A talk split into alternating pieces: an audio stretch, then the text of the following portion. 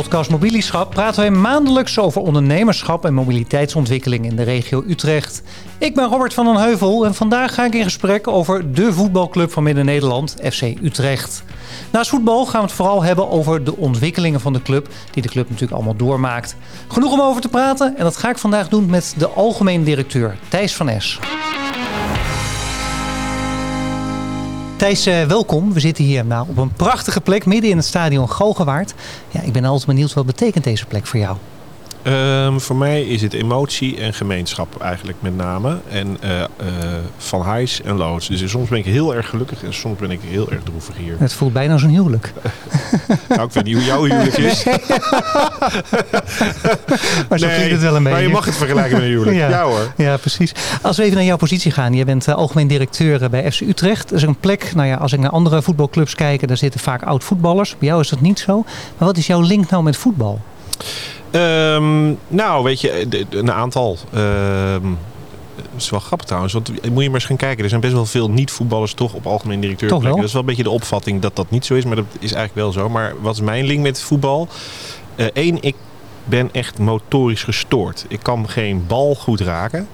Dus ik kan mijn lichaamsbeweging niet goed hanteren. En twee, ik ben... Um, Oh, ik kan ook nog eens geen diepte zien. Dus als ik iets wegtrap, dan weet ik niet hoe ver ik het moet brengen. Dus eigenlijk is het zo dat ik uitermate gefrustreerd ben dat ik dat niet kan. En dus moet je op een andere manier toch wel uh, nabij je liefde komen. Bij sport of bij bal en bij voetbal. Dus dat doe ik dan maar op deze manier. Ja, nou dat is in ieder geval gelukt. ja. ja. Even naar jouw eigen achtergrond. Je bent algemeen directeur. Dat betekent natuurlijk dat je zowel met voetbal als met alle niet-voetbalzaken uh, zich bezighoudt. Maar wat heb je hiervoor gedaan? Wat is jouw band met de regio Utrecht? Um, nou, die is best intensief, die, uh, die band. Um, zowel langs mijn familielijnen. Dus uh, mijn familie komt eigenlijk al honderden jaren uit Utrecht. Er zijn heel veel plekken die ik weet waar mijn voorouders hebben gewoond en waar ze hebben gehandeld en wat ze allemaal hebben gedaan. Dus dat is... Echt geboren en getogen? Nou, ik zelf niet, want mijn vader was arts, dus die is buiten Utrecht oh. beland en die moest daar een praktijk draaien. Dus, uh, maar ik ben weer terug als het ware in Utrecht. Um, ja, twee, wat is de band ook met Utrecht? Ik heb hier twintig jaar lang een bedrijf gehad. Uh, natuurlijk met mijn zakenpartners, met heel veel collega's. Uh, en dat was een bedrijf wat, uh, wat zich inzette voor het gezond maken van bedrijven. Um, dat heb ik gedaan uh, van tot mijn 42ste. En dan vanaf mijn 22ste. Dus dat was onwijs leuk. En dat zat ook hier in Utrecht aan het Hamburgerplein. of de Hamburgerstraat. Dus dat was ik ook nog aan het ondernemen in de stad. En um, ja, weet je, nu groeien mijn kinderen hierop en woon ik hier met mijn vrouw. Ook weer vijf minuten van het stadion vandaan. Dus Utrecht is eigenlijk alles. Ik heb hier voor nog ook vijf jaar lang vrijwilligerswerk gedaan bij Kampong. Ook nog. Als voorzitter. Dus ja, Utrecht is alles, zeg maar. Ja, en dan, uh, je zegt, het, uh, je hebt heel lang zelf uh, een eigen bedrijf gehad. En dan komt zo'n kans als FC Utrecht voorbij. Is dat dan een soort een beetje een droom die uitkomt? Je zegt, nou goed, voetballen dat is niet gelukt. Maar ik kan nu wel ja, toch liefde en mijn werk uh, Nou, ik kan moet je eerlijk zeggen, dat is ook echt heel erg per ongeluk gegaan. Ik ben, uh, ben op een gegeven moment was ik bij Kampong vrijwillig voorzitter. Dat deed ik uh, pakweg 20 uur per week om, uh, om die sport Kampong ergens een rol te spelen. En toen was ik eigenlijk na vijf jaar op zoek naar de volgende vrijwilligersrol. En uh, ik kwam uh, in gesprek met Frans van Zeumeren via via. En uh, toen hadden we het over FC Utrecht en over het doen van een vrijwilligersproject. En uiteindelijk was het zo dat in 2018 hij bij me terugkwam en zei: Wil je niet de directie van FC Utrecht in? Parttime. En toen zei ik: Ja, maar hoe werkt dat dan? Want ik heb mijn eigen bedrijf. En toen zei hij: Nou, je deed ook 20 uur kampong. Dat doe je nu 30 uur FC Utrecht en je eigen bedrijf daarnaast daar ben ik ingetrapt. Uh, uh, omdat het dan toch wel een hele leuke, gaaf volgende uitdaging is. Maar uh, ongeveer twee maanden hier zitten, werd ik, gebeurde er iets. Ik werd extreem verliefd op FC Utrecht. Dus toen moest ik mijn eigen zakenpartners vertellen: jongens, ik ga een andere fase in mijn leven en ik wil iets anders gaan doen. Ja, misschien wel een stukje, stukje midlife. Hè? De ene die wisselt zijn partner in. Nou, ik heb een bedrijf ingewisseld. en daar heb ik tot op de dag van vandaag op geen enkel moment spijt van. Ik heb het echt uh, heel erg naar mijn zin in de afgelopen vier jaar al. En ik kijk met heel veel plezier weer naar de komende jaren wat we allemaal moeten gaan doen. Ja, jij gaf zelf al aan dat jij uh, nou, geen oud voetballer bent. En nou ja, een bal hoog houden was al een, een kunst, een uitdaging Zeker, daarin. Ja. Toch krijg je dan te maken met voetbaltechnische zaken. Ja. Is dat dan misschien in jouw voordeel? Dat je ja, wat minder noem, betrokken bent bij daadwerkelijk de sport? Um, Nou, kijk, weet je, als je met elkaar samenwerkt, dat is ook in een team, heeft iedereen zijn kwaliteiten. Dus ik kijk natuurlijk weer van andere, vanuit andere perspectieven naar het voetbal uh, buiten het veld en op het veld. Dus ik zal geheid andere vragen stellen, waardoor we de kwaliteit eigenlijk van de keuze die we maken verder kunnen verbeteren. Um, ja, en aan de andere kant, weet je, als je, als je natuurlijk nu non-stop bezig bent met voetbal, elke dag in dag uit ernaar kijkt, het erover hebt, ja, na vier jaar begin je uh, ja, toch ook wel weer onderdeel van het systeem te worden. Beetje de bekende 10.000 uur, als je maar lang genoeg gedaan hebt. Ja, dan, ga je dat op een gegeven moment wel oppikken. Dus, ja. um, maar het is, laten we wel wezen, uh, ik denk als je een, uh, een mooi bedrijf hebt met, met allemaal bijvoorbeeld een bakkersbedrijf, dat je dan, dan is vaak de directeur ook nog niet eens zozeer de bakker. Uh, dus je bent, ik ben niet de specialist die exact weet wat op welke positie op het veld moet staan. Dat, dat is natuurlijk onze technisch directeur Jordi Zuidam. Ja. Maar ik kan natuurlijk als zijn mededirectielid wel vragen stellen. Uh, en op die manier, met de vragen die we stellen, uiteindelijk kijken welke keuzes maken we nou. Uh, Lijkt me soms ook wel een voordeel zijn dat je er buiten staat. Niet bevooroordeeld bent door, nou ja, noem het wat dan ook, een eigen kennis en ervaring. Dat je gewoon heel objectief daarnaar kan kijken. Ja, Waarbij ik dus ook wel zeg, na vier jaar wordt je natuurlijk, je objectiviteit wordt mogelijk wat minder. Ehm, en je moet ook oppassen. Kijk, op het moment dat je. Kijk, we hebben een, een, nu een technische staf. We hebben een nieuwe trainer, Fraser. Dan hebben we daaromheen uh, natuurlijk Jordi Zuidam, die daar met uh, al zijn kennis en kunnis naar kijkt. Ja, op het moment dat uh, we dan wedstrijden spelen, dan moet je op het moment dat het spannend wordt ook niet denken, nou, nu weet ik wat er moet gaan gebeuren. Uh, dat zie je natuurlijk wel eens, dat opeens uh, mensen vanaf de buitenlijn willen gaan ingrijpen. Maar ja. dat moeten we dus niet doen. De verantwoordelijkheid ligt bij onze technische staf en de trainer. Een technisch directeur kijkt daar met al zijn perspectieven naar en challenge daarop. En ik heb daar ook weer een challenge in de rol in daarbuiten. Maar ik kan natuurlijk nooit op die stoel gaan zitten. Gaan we eens eventjes naar uh, de club FC Utrecht. ja, natuurlijk een club die, waar jij mee bezig bent. En je zegt van goh, die gaan we ook klaarmaken voor de toekomst. Weer voor volgende stappen. Ja. Er zijn natuurlijk heel veel dingen die daar ja, op tafel liggen. Ja. Noem eens de drie grootste uitdagingen. Uh, nou, de eerste grote uitdaging voor nu is eigenlijk vanuit corona uh, er eigenlijk voor zorgen dat de verbinding van mensen onderling uh, weer aansterkt. Weet je, we hebben natuurlijk allemaal thuis gezeten en elkaar weer online ontmoet. Maar dat noem ik geen verbinding. Je nee. hebt elkaar niet gevoeld en niet gezien. En eerlijk gezegd uh, merk ik wel dat, dat we echt tijd moeten stoppen om intern en buiten weet je, weer met elkaar te gaan samenwerken en weer met elkaar te gaan beleven. Uh, dus uh, nou, is het voordeel, we hebben de eerste wedstrijd gezien dat het helemaal vol zit in het stadion. De seizoenskaartverkoop loopt hartstikke goed. Dat biedt natuurlijk de basis om wel weer die verbinding met elkaar uh, te gaan zoeken. Maar dat is eigenlijk de grootste uitdaging voor het komende jaar. Een andere uitdaging is, we hebben twee jaar geleden met elkaar een strategie gedefinieerd voor de club. Waarbij we werken aan het verder professionaliseren en verbeteren van de voetbalclub. Uh, kijken hoe we uh, kunnen, gezonder kunnen worden. Want we komen uit jaren natuurlijk van verlies. Dat willen we naar break-even brengen. Aan de andere kant bezig zijn met de samenwerking met de sportclubs om ons heen, de trajecten. En we hebben het over de gebiedsontwikkeling. Dat zijn langetermijnplannen. En het dilemma bij voetbal is altijd, er is ook altijd een korte termijn druk. Dus de, een belangrijke andere uitdaging is, is dat je je niet laat afleiden door de korte termijn.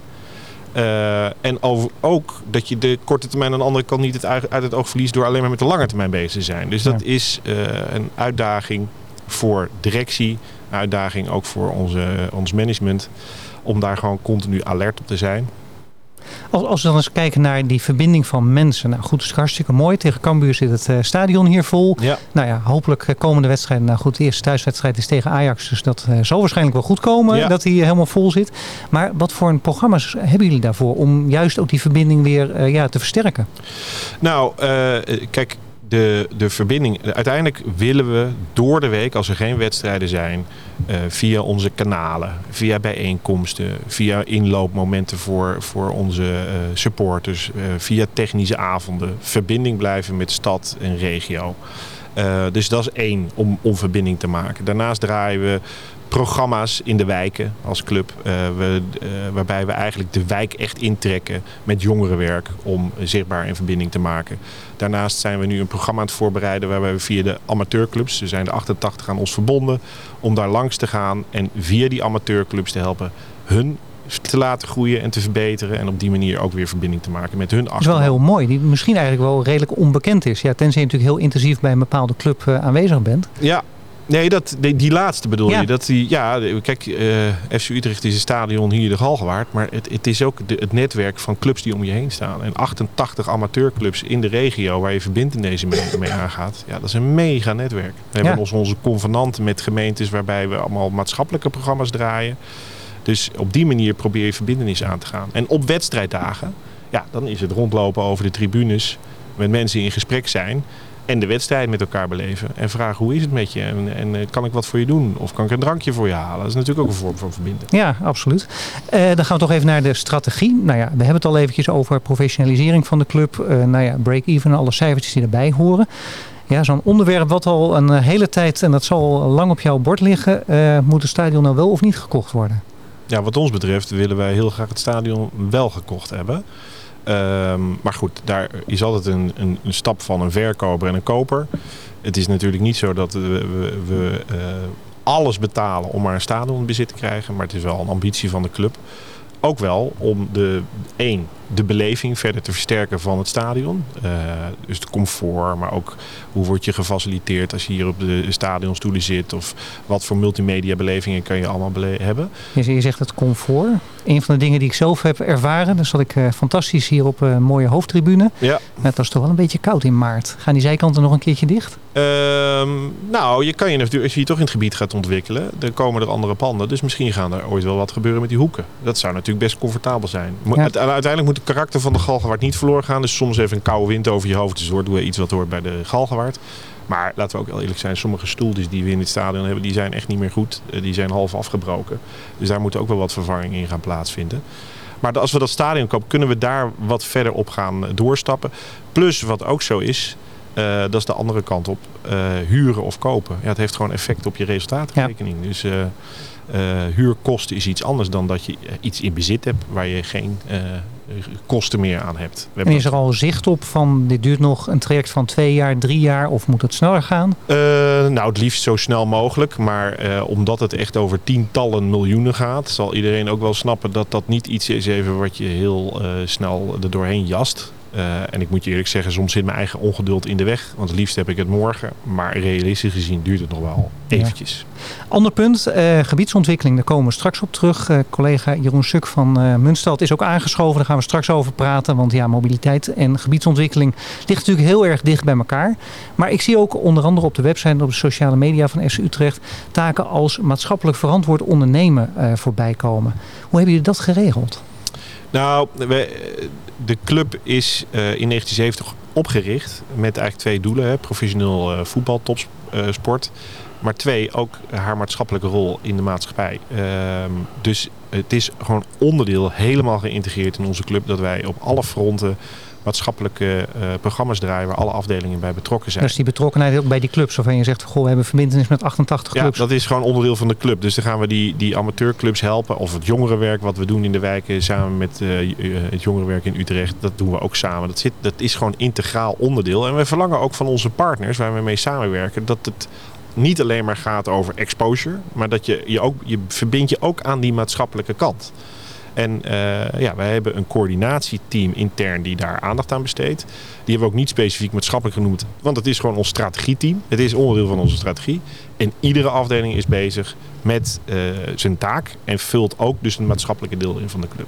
En hoort er ook zoiets bij? Ik zag bijvoorbeeld op LinkedIn een mooi onderwerp voorbij komen. Samenwerking met Toto. Waarbij je het gokken nog in betere banen wil gaan leiden. En mensen daarin wil helpen. Vind ik ook een heel maatschappelijk mooi thema. Ja, eh, het is natuurlijk, eh, we zien er natuurlijk ook heel veel op dit moment over gebeuren. Het is echt een maatschappelijk thema, het gokken. En eh, natuurlijk het openbreken van gokken in de sport.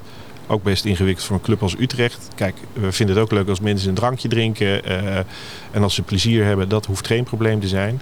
Dus eh, gokken is ook ergens een, een, een stukje entertainment wat mensen willen hebben. Alleen op het moment dat het doorslaat, dat het de verslaving is, dat wil je niet. Ja. Dus voor ons is het wel belangrijk dat als we samenwerken met een partij, dat we juist ook bezig zijn met eh, hoe kunnen we mensen begeleiden. Dat ze niet in verval raken doordat ze doorslaan met gokken. Geldt ook voor alcohol. Je wil ook niet dat mensen doorslaan met alcohol drinken. En eh, dan ga je weer kijken welke partner heb ik en met wie doe ik dit en wie heeft daar een mooi programma voor. Nou, dat heeft eh, Toto, wat ons betreft, heeft daar een mooi programma met het rugdekking verhaal. Dus op die manier draaien we samen bewustwordingssessies om, om ervoor te zorgen dat mensen ja, zich bewust worden van de effecten van gokken. Ja. Een kleine stap naar het toch wat meer sportieve deel. Ja, je noemde al eventjes eh, de belangrijkste punten. Verbinding van mensen, strategie, gebiedsontwikkeling. Daar gaan we straks verder over praten. Ik ben wel even benieuwd naar de sportieve ambitie. Ja, nou de sportieve ambitie. Uh, FC Utrecht is een subtopclub. Uh, en wat ons betreft is de focus altijd uh, om in de top 6 te eindigen. En uh, ja, weet je, misschien heb je een keer geluk en klap je een keer door naar plek 4 of naar plek, misschien heb je wel zelfs een keer mazzel dat je 3 wordt. Maar onze focus is gewoon plek 4, 5, 6. Dat is de plek waar wij kunnen staan ook. Want je moet het ook beseffen dat met het geld wat je beschikbaar hebt om iets te kunnen doen ja, uh, zijn dat reële plekken. Ja. En dan hebben we eigenlijk al best een hele prestatie als we dat voor elkaar krijgen. Is dat niet gek eigenlijk een beetje in Nederland geregeld? Het is natuurlijk heel duidelijk, de positie in Nederland wordt mede bepaald door je budget. Ja. Nou ja, daardoor hebben we een top 3. Die zit in Rotterdam, uh, Eindhoven en Amsterdam, maar eventjes Ja. te noemen. Dat wisselt nog eens een keertje. Ja. Maar ja, met het budget wat je hier in Utrecht hebt, die eerste plaats eh, kan soms binnen bereik komen, maar het lijkt wel heel erg lastig. Maakt het niet lastig voor jou als bestuurder om daarmee om te gaan? Nou, uh, dan loopt de emotie en de ratio af en toe wat voor elkaar. Ja. Want uh, het is natuurlijk zo dat iedereen als het nieuwe seizoen start, willen we allemaal landskampioen worden. En daar hebben we ook het geloof van. Dus daarom is ook af en toe de teleurstelling zo groot als opeens dat landskampioen misschien toch wat verder ligt dan we hadden verwacht. Dat is emotie en daar hebben we mee te doen. En dat maakt het af en toe wel lastig. Uh, want je voelt natuurlijk wel de rouw van shit, we verliezen een wedstrijd. Maar als je top 5 of top 6 speelt, dan is het per definitie zo dat je niet alle wedstrijden wint. Want anders had je daar niet gestaan. Nee. Dus um, ja, dat is af en toe ingewikkeld. Maar dat is ook wat het is. Daar heb je ook mee te dealen als, als uh, FC Utrecht. En ja, dat is een situatie waar je uh, in staat. Het lijkt me qua emotie af en toe wel lastig. Kijk, uh, het goede nieuws is natuurlijk doordat je plek 5, 6 staat, dat je natuurlijk wel een heel aantal wedstrijden wint. Ja, maar ja, ja dan komt de heide weer uit. Ja, ja, maar je gaat er ook af en toe af. Ja dat, ja, dat hoort erbij met de kwaliteit die je met je budget voor elkaar kan krijgen. En natuurlijk, wij proberen met een juiste training, een juiste selectie, alles eruit te halen wat eruit te halen valt. Maar goed, eh, je moet je voorstellen, FC Utrecht heeft een begroting van ongeveer 25 miljoen in totaal. Heb ik het dus niet over technische staf, maar als club in totaal. Versus een Ajax wat ongeveer op 160, 170 ja. miljoen zit. Ja, dat is echt van een andere, andere orde. En ook uh, PSV en Feyenoord, die zitten gewoon vier keer zo hoog. Dus dat, dat, is echt, dat is echt wel anders. Trekt die verhoudingen wel heel erg scheef. En zeker in een competitie lijkt me dat wel lastig. Ja, nou, dat zie je natuurlijk ook niet alleen maar uh, binnen de voetbal, maar ook in andere sporten. En dat zie je ook nog eens in het buitenland. En daarom zie je in Amerika, dat is wel charmant. Dan heb je natuurlijk die caps die er allemaal ja. op zitten. Dat zie je nu ook in de Formule 1 komen. Nou, uh, dat heeft aan de ene kant natuurlijk gewoon wel als voordeel dat je een, een level playing field hebt. Hè. Iedereen heeft hetzelfde, dus iedereen kan het meeste eruit halen.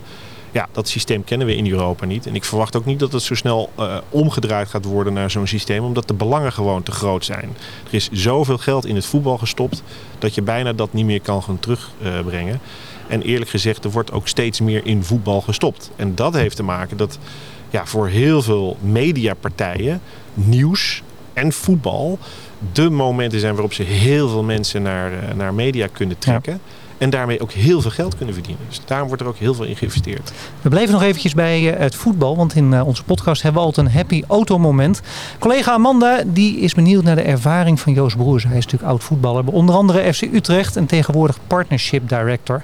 Na zijn autoervaring ja, zijn we wel benieuwd of hij nog een balletje hoog kan houden. Van autorijden worden we allemaal vrolijk. Dit is het happy automoment van Joost Broersen. Ja, naast mij zit Joost Broersen, ook al Nederlands voormalig betaald profvoetballer die bij voorkeur als centrale verdediger speelde. In de zomer van 2015 werd jij commercieel directeur bij PEC Zwolle. En sinds 1 september 2018 vervul jij een commerciële rol binnen FC Utrecht.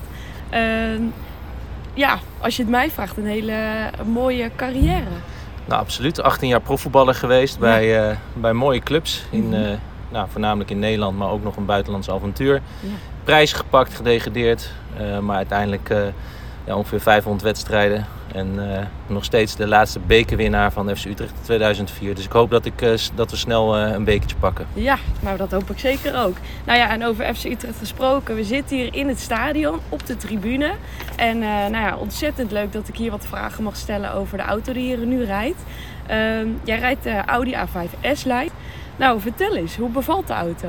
Ja, bevalt ontzettend goed. Ja? Het is natuurlijk, uh, ik heb een mooie, mooie sportieve auto, de S-Line. Ja. Eh, ja, ik, ik hoef eigenlijk eh, natuurlijk vanuit de beeld maar kleine stukjes naar het stadion. Maar gelukkig ben ik vaak op pad om, uh, om bisclubleden te bezoeken. Mm -hmm. of naar de wedstrijden te gaan. Dus ja, de ervaring is gewoon echt super. Ja. Lekker de navigatie helemaal up-to-date. hele praktische auto. fantastisch deze zomer met de airconditioning. Ja. om, te, om te werken. dus ja, de, het rijdt gewoon als een ja, trein zou je bijna zeggen. Maar ja, het is natuurlijk een mooie, gezinsvriendelijke, maar ook sportieve auto. Is dat dan ook de reden waarom je de A5 hebt gekozen? Ja, absoluut. Uh, even los van dat, uh, dat die ook praktisch inderdaad voor het gezin uh, ingezet kan worden. Ja. Ehm, ook, ook het sportieve, dat vind ik leuk. Ik werk natuurlijk bij FC Utrecht, een, een sportclub. Dus daar hoort gewoon in mijn ogen een sportieve auto bij. Ja. FC Utrecht staat onder andere voor duurzaam ondernemen. Is dat dan ook een reden geweest om bijvoorbeeld elektrisch of hybride te overwegen? Ja, absoluut. Uh, ik heb dat zelf wel over, overwogen ook, maar het is nog één, één stapje te vroeg voor mij. Maar de, de, ik ja. denk dat de komende jaren die overstap gaat komen. Mm -hmm. En dat merk je binnen de hele organisatie en ook bij de spelers uh, en, en de staf. Ja. Uh, daar zie je al dat, dat er wordt gekozen voor elektrisch rijden. Ja, klopt, ja. steeds meer. En dat, weer, dat stimuleren we ook, dat willen we ook. En we willen ook goed gewoon kijken naar het woon-werkverkeer kan. nou, ik, ik gaf mezelf als voorbeeld. Ik kan af en toe misschien ook wat vaker op de fiets. Mm -hmm. Of uh, andere manieren vinden om uh, vervoer te delen. Dus dat we ook minder kilometers maken met z'n allen. Ja. Uh, alhoewel dat, dat een uitdaging blijft met zulke auto's. Ja, ja dat... Maar je zegt het al, sportief op de fiets. Ben je nog een beetje sportief? Nou, gisteren toevallig nog hard gelopen, een rondje. Dus dat, dat doe ik. En ik padel af en okay. toe. de bal raak ik niet zo heel veel meer aan. Nee? nee, want ik denk altijd, moet nog iets fitter worden dan dat ik nu ben. Mm -hmm. Maar dat, uh, het komend jaar probeer ik wel weer een paar keer te gaan voetballen. Ja. ja. Nou ja, de link met voetbal. Um, een centrale verdediger houdt natuurlijk van overzicht. Um, beoordeel je daar de Audi A5 ook op? Nou, zeker. Ik denk, uh, je kijkt ook naar een stukje uitstraling uh, van een auto. Ja. Dus dat, dat is één. maar ik vind het wel prettig om in een auto je comfortabel te voelen. Een, een stuk, nou ja, overzicht zei je, maar een, een, Ja. een centrale verdediger houdt van veiligheid en, Mhm. en structuur. Nou, dat, dat vind je eigenlijk allemaal in de auto terug. Eh, eh, behalve dat hij goed rijdt, is het gewoon ja, heel overzichtelijk en, en voel je er heel comfortabel in. Ja. Eh, en, en natuurlijk ook eh, af en toe een beetje dat sportieve. Ja, Eh, het gas, gas geven hoort er ook bij, maar dat, Ja. eh, dat kan niet meer zoveel tegenwoordig. Ehm, ja, centrale verdediger is natuurlijk best een defensieve rol. Heb je dan ook een defensieve kleur gekozen? Nou, ik ben altijd inderdaad wel een beetje van de zwart en grijs tinten. Dus eh, ik heb nu ook voor een grijze uitvoering gekozen. Ja. Maar dan wel ook wel weer echt sportief. En eh, wel niet, niet kleurloos grijs, zeg maar. Dat, eh, wel, wel echt met een lak erop, ja. Ja. Oké, mooi. Ehm, nou ja, als ex-profvoetballer heb je natuurlijk een voorliefde voor voetbal. Maar heb je dat dan ook voor auto's? Nou, ik ben niet in die zin eh, de, de grootste autoliefhebber. Eh, wel altijd ehm, ja, do- door mijn carrière heen natuurlijk heel veel verschillende auto's gereden. En eh, nou, ik moet zeggen dat, dat Audi daar nog niet bij zat of Volkswagen. Dus ik, ik vind het nu wel heel leuk om. ik heb wel wat andere Duitse merken gereden. Eh, maar, de, maar de Audi, ja, dat is, dat is een soort droom. hè. ik zie ze heel veel rijden en Ja. eh, in allerlei eh, nou ja, maten en uitvoeringen. Mhm. En nu rijden zelf dan één. En dat ja, vind ik wel mooi dat ik nu bij, bij de Audi-familie hoor. Ja. Ja. Nou, mooi om te horen. Super. Ehm, dus je zou de Audi A5 in ieder geval wel aanraden. Ik zou me zeker aanraden. Mhm. Ehm, ja, omdat het gewoon echt, echt heel goed rijdt. En je ja, ja, nogmaals ook heel veilig en, en comfortabel in voelt. Nou, we hebben een bal mee. En we hadden het al even over sportiviteit. Ehm, kun je je nog een beetje hoog houden? Ik ga het nu voor je doen. Ja, dus goed. eh, ik denk dat zien. het 20 keer maar moet lukken. Oké, is goed. ja.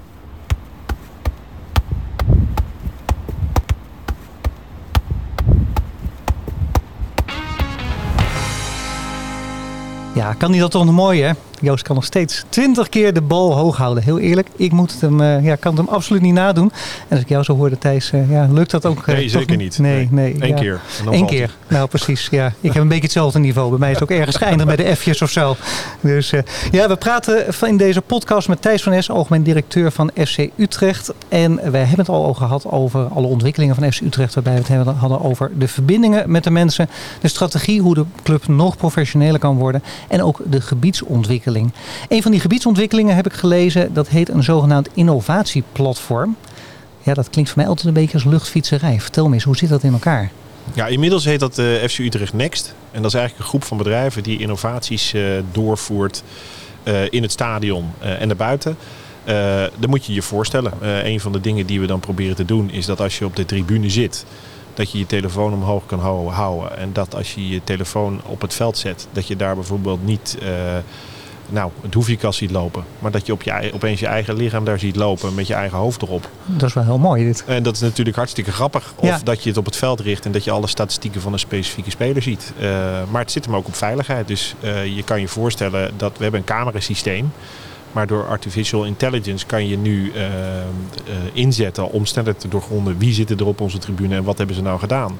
Dus uh, je kan je veiligheid verder gaan verbeteren. Dat kan innovatie kan, zijn. Kan ik ook straks supporters uh, zien die uh, niet meer naar het veld kijken met een 3D-bril opstaan? nou, ja, dat zou zomaar kunnen. De, maar ik denk wel, weet je, we werken allemaal aan beleving. en we werken aan veiligheid. En we werken aan toegankelijkheid. dus ja, daar kan je allemaal innovaties met je partners op bedenken. Dus we hebben daar een team van bedrijven die aan ons verbonden zijn ingetrokken. En elke keer testen we nieuwe concepten die we in de toekomst verder willen uitrollen. Ja, en zo'n innovatieplatform, ik weet, we komen straks bij Munstad uit. Munstad is ook een onderdeel uh, ja. daarvan. Wordt dat echt in de breedste zin des woord ontwikkeld? Ik bedoel, je kan natuurlijk in het stadion, maar de buitenkant ook heel veel, misschien wel thuis. Jazeker. Nou ja, de focus is nu in en om het stadion, waar we heel veel projecten op draaien. Uh, of testen op doen. En dat kan natuurlijk zich verder gaan uitbreiden, absoluut. Over innovaties gesproken, ja, auto's zijn er altijd een uh, mooi onderdeel uh, van. Jeroen Suk is daarvoor aangesloven. Welkom natuurlijk in de podcast Mobilieschap. Ja, dankjewel. Ja, jij hebt alle spelers en staf, inclusief Thijs, mogen voorzien van nieuwe auto's. Ja. Hoe, hoe is dat in zijn werk gegaan? Nou, er gingen natuurlijk nog wel wat stappen aan uh, vooraf. Uh, wij zijn als, uh, als, als Munstad al geruime tijd betrokken bij, bij de club als sponsor. nou ja, daarmee werd uiteindelijk, ook, ook, ook in de businessclub natuurlijk, werd uiteindelijk het linkje gelegd naar, naar, naar, naar gesprekken over mogelijke autosponsorship. Uh, nou, ik denk dat we elkaar goed gevonden Ga, hebben. Gaat dat dan ook die, zo, Jeroen? Ja, jij zegt dat dat gaat in de businessclub. Dus ik stel me voor, tussen een glaasje wijn en een hapje wordt er even gesproken van... Goh, nou, we hebben nog wat auto's nodig. Nee, ja, dat gaat anders. Uh, ik zal niet zeggen dat het niet met een glas wijn gaat, maar uh, dat gaat uiteindelijk wel verkennen. Um, ja, dan ontstaat er uh, een keer een vraag of het uitspreken van een wens. En uh, nou, zo, zo uiteindelijk ga je met elkaar in gesprek. En dan, uh, nou ja, noem het maar, een match komt tot stand. Ja. Waar, wat was de kracht van de samenwerking tussen de ene kant Munstad en FC Utrecht? Wat was die match, Thijs? Uh, dat zeg, zeg, je goed. Dus we hebben, we hebben een uitgebreide uitvraag gedaan van, uh, naar alle mobiliteitspartijen die er zaten. Maar waar Munstad wel in uitblonk, uh, is eigenlijk het volledige aanbod. En, en dat bedoel ik. Het gaat niet alleen maar over auto's. Uh, of de elektrificering van auto's. Maar het gaat ook over andere mobiliteitsconcepten. Dus uh, het gaat ook over openbaar vervoer. Uh, hoe kan je, hè, want Munstad heeft door zijn connectie met uiteindelijk PON en Volkswagen... alle zusterbedrijven die erin zitten, ook mogelijkheden om openbaar vervoer te faciliteren. en de kaarten daarvoor. Nou, dan kan je gaan kijken in de toekomst hoe gaan we dat voegen aan onze seizoenskaarten bijvoorbeeld. Uh, Zou ook iets kunnen zijn waar als fan je daar daadwerkelijk uh, mee te maken gaat krijgen? Zeker, ja, zeker. Dat willen we ook zeker gaan onderzoeken. Maar andersom ook, hè, weet je, je, je, je, ziet zo'n drukte van je welste tijdens wedstrijden. Maar uh, Munstad heeft ook nog eens de, de, de intelligentie om te kijken hoe kunnen we die mobiliteitsstromen verder gaan optimaliseren. En waar, waar moet ik dan aan denken? Uh, nou, dat je dus uh, real-time informatie gaat krijgen over de drukte. Of wanneer kan je het beste aanrijden. Of uh, waar kan je het beste parkeren. Wat is dat? Dus je probeert die intelligentie erbij te benutten. Daar moet je bij ook nog eens voorstellen dat we in de toekomst hier natuurlijk een heel nieuw gebied gaan ontwerpen. Nou, ja. Het kan natuurlijk heel waardevol zijn om in Muntstad en ze in de, in de partijen die eromheen staan te gaan kijken van hoe kunnen we dat nou optimaal mogelijk krijgen. Het klinkt heel erg toekomstgericht, maar het klinkt ook nog een beetje abstract. Uh, nou, ik vind het eigenlijk wel meevallen. Dus ja? uh, of het abstract is. Ja, je hebt een auto, daar stap je in. Die is van Audi of Volkswagen. Nee, dat, dat, dat klopt. Maar, maar deel, deel erna, dat klinkt nogal een beetje van... Goh, wat gaat er allemaal gebeuren? Ehm, nou ja, weet je wat er gaat gebeuren? Het stadion die gaat gewoon eromheen gaan gebouwen komen. Dus er, komen, worden gewoon torens neergezet. En die worden in de komende 10 tot 15 jaar neergezet. Uh, dat betekent dat hier heel veel mensen komen te wonen en te werken. Uh, dat is misschien nu wat gek om te beseffen. Maar uh, de plekken waar je nu staat te parkeren, ja, die zijn straks compleet anders. En dat betekent heel veel voor de club dan? Ja, en dus ook over hoe komt het verkeer hier naartoe? Hoe komen Ja. de fans hier naartoe? Eh, en dat moet je, ja, die stromen moet je begeleiden. Dus eh, ja, als je straks een app op je telefoon hebt van hoe kan ik hier het beste naartoe komen, dat heb je wel nodig. En dat kan je dan Ja. Muntstad goed oppakken. Nou, dat is een eh, mooie ontwikkeling. Ja. Ja, als ik eh, even naar de spelers kijk, ik heb me er wat in verdiept. Daar hebben er een heel aantal voor elektrisch rijden gekozen. Ja, natuurlijk eh, kan het autobedrijf daar prima in voorzien. Ja. Uiteindelijk hebben de spelers daar zelf een keuze in gemaakt. Jeroen, hoe is dat in zijn werk gegaan? Nou, op enig moment eh, hebben wij eh, eigenlijk alle spelers uitgenodigd, technische staf eh, uitgenodigd bij ons in de showroom om nou ja, uit, uit- uiteindelijk auto's uit te komen zoeken. En dat hebben ze gedaan en ze zijn eigenlijk vrijgelaten in, in de keuze voor welk model. En, nou, tussen de merken Audi en, en Volkswagen. En daar is inderdaad een heel groot gedeelte heeft elektrisch gekozen. Uiteraard faciliteren wij wel. Dus als we dan praten over elektrisch, dan hebben we het ook over hoe ga je dan laden. Ga je dat dan thuis doen? Of gaan we het op de club doen? Ga je dat afrekenen?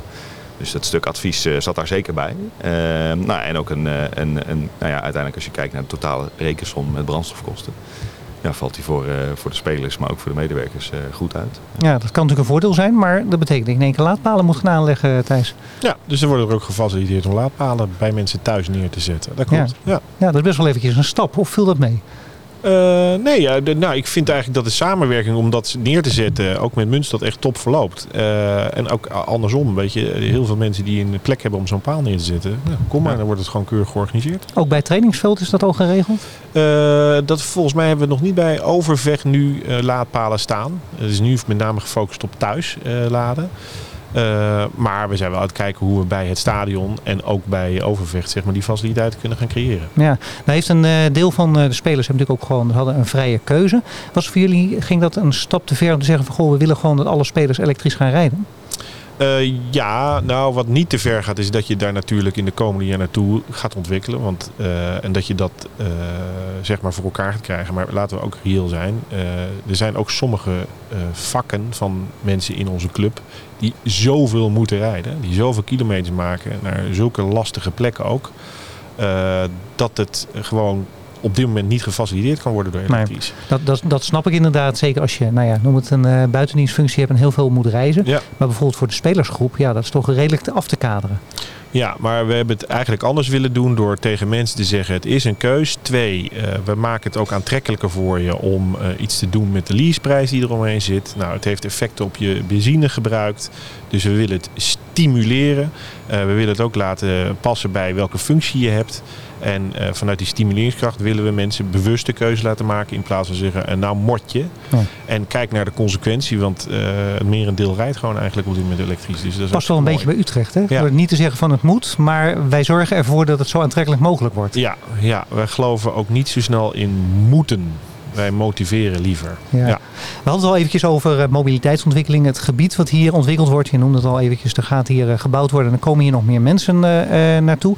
Is dat ook iets waar naar de spelers wordt gekeken? Ik kan me voorstellen, ze hebben nu natuurlijk nog een mooie elektrische auto. Maar misschien over een paar jaar, ja, dan kunnen ze hier het stadion alleen maar bereiken via, nou ja, ik noem maar iets. We hebben nu een spelersbus, maar welke vorm van transport zal daar worden, worden ingezet? Zijn jullie daar al mee bezig? Dat wordt wel onderdeel van het mobiliteitsvraagstuk. Dat is eigenlijk een van de grootste vraagstukken bij de herontwikkeling van het gebied. Dus hoe wordt mobiliteit geregeld? Ja, misschien gaat er straks wel een shutteltje zonder enige bestuurder die gewoon automatisch naar een, iemand thuis rijdt, daar een speler oppikt en die gaat naar het volgende adres, pikt hem ook weer op. En zo heb je het busje vol en rijden ze naar het stadion. Ik heb geen idee. Ik Maar stel, het me gaat zo beetje, snel die ontwikkeling. Ja. ik stel me zo'n beetje Japan voor, van die monorails hebben die door de lucht vliegen. En dan, Wie weet. Ja. Wie weet, hè? De Jetsons, dus we vliegen alleen maar straks door de lucht. Ik heb geen idee. Maar Heb jij ze al gezien, Jeroen? Nee, nee, nee, nee. Ik weet wel dat we in aansluiting daarop dat je, dat je nou ja, we hebben een samenwerking voor een aantal jaar eh, eh, afgesproken. Eh, nou ja, dat een van de doelen in de samenwerking ook wel is dat we uiteindelijk misschien over vier jaar wel minder auto's hebben rijden bij FC Utrecht dan dat er nu rijden. Ja. Eh, en dat voelt eh, eh, ik als, eh, nou, als, eh, zeg maar als automan eh, is dat soms best raar om te zeggen. Eh, maar ik denk dat dat wel heel goed bij de ambities past. En past binnen het beleid van de club. Nou, misschien zeg je daar wel iets. Dat is denk ik ook wel wat krachtig is. Dus Munstad is natuurlijk Audi Volkswagen. Dat is natuurlijk, en het is een fysiek een auto. Maar Ja. het is uiteindelijk een mobiliteitsbedrijf. En, en daar zoeken we naar, naar de, naar de verschillende vormen van mobiliteit. En hoe dat met elkaar duurzaam en optimaal te maken. Of dat nou de fiets is, een auto, een nou ja, Ja, of openbaar, openbaar vervoer. vervoer. Ja. Of misschien straks wel vliegen. Ik heb geen idee. Maar, Nou ja, of, eh, een, of inderdaad een app of een pas waar je dat allemaal mee afrekent. ja. Ja. Even stond terugkomen op de fiets. Eh, ja, ik heb ze hier nog weinig gezien. Ik heb ook spelers gezien die komen allemaal met de auto. Is dat wel iets waarvan eh, toch eh FC Utrecht mensen aan het stimuleren is om te zeggen van nou goed, kom eens één keer in de week op de fiets, op welke vorm dan ook? Nou, ik zal niet gaan zeggen je moet met de fiets, maar we willen wel de faciliteit het fiets gebruiken. En ook samen met Munstad kijken hoe we dat kunnen gaan aanbieden. Want in het hele pakket van Munstad zit ook fietsen. Dus dat gaan we kijken en onderzoeken. Ja. Maar eh, nogmaals, we gaan mensen stimuleren. We gaan mensen niet zeggen je moet nu, het is vrijdag eh, en je moet op de fiets. Ja. Nee, dat gaat niet werken. Het is beter dat de mensen uit zichzelf dat eh, soort initiatieven nemen. Ja. ik heb een heel mooi verhaal gehoord over FC Utrecht en de toekomst. Nou ben ik toch wel nog naar één ding benieuwd. Als eh, vraag aan een algemeen directeur. Aan het eind van dit seizoen, wanneer ben je tevreden? Ik ben tevreden als wij eh, technisch in de top 6 eh, zijn beland. Eh, ik ben tevreden als mensen terugkijken naar wedstrijden waar ze compleet door emoties overmand zijn. Zowel in blijdschap als in, in, in, in verdriet. En ik ben ook heel erg blij als ja, gewoon het aantal de bezoekers wat en, en de hele fanbase van de club, de supporterscharen, dat die alleen maar toeneemt. En, en als, dat we bekend staan om een hele inclusieve, open club en dat dat ook wordt doorgezet. Dat is voor mij heel erg belangrijk. Vind ik een heel mooi uitgangspunt. Ik wens je heel veel succes mee. Dankjewel. Dankjewel. In deze podcast heb ik meer geleerd over de ontwikkelingen van de club. En bovendien, ik heb inzicht gekregen in de ontwikkelingen van FC Utrecht voor de toekomst. Inclusief alle mobiliteitsvragen. Wil je nog meer weten over jouw mobiliteitsvragen? Kijk dan eens op munstad.nl slash zakelijk.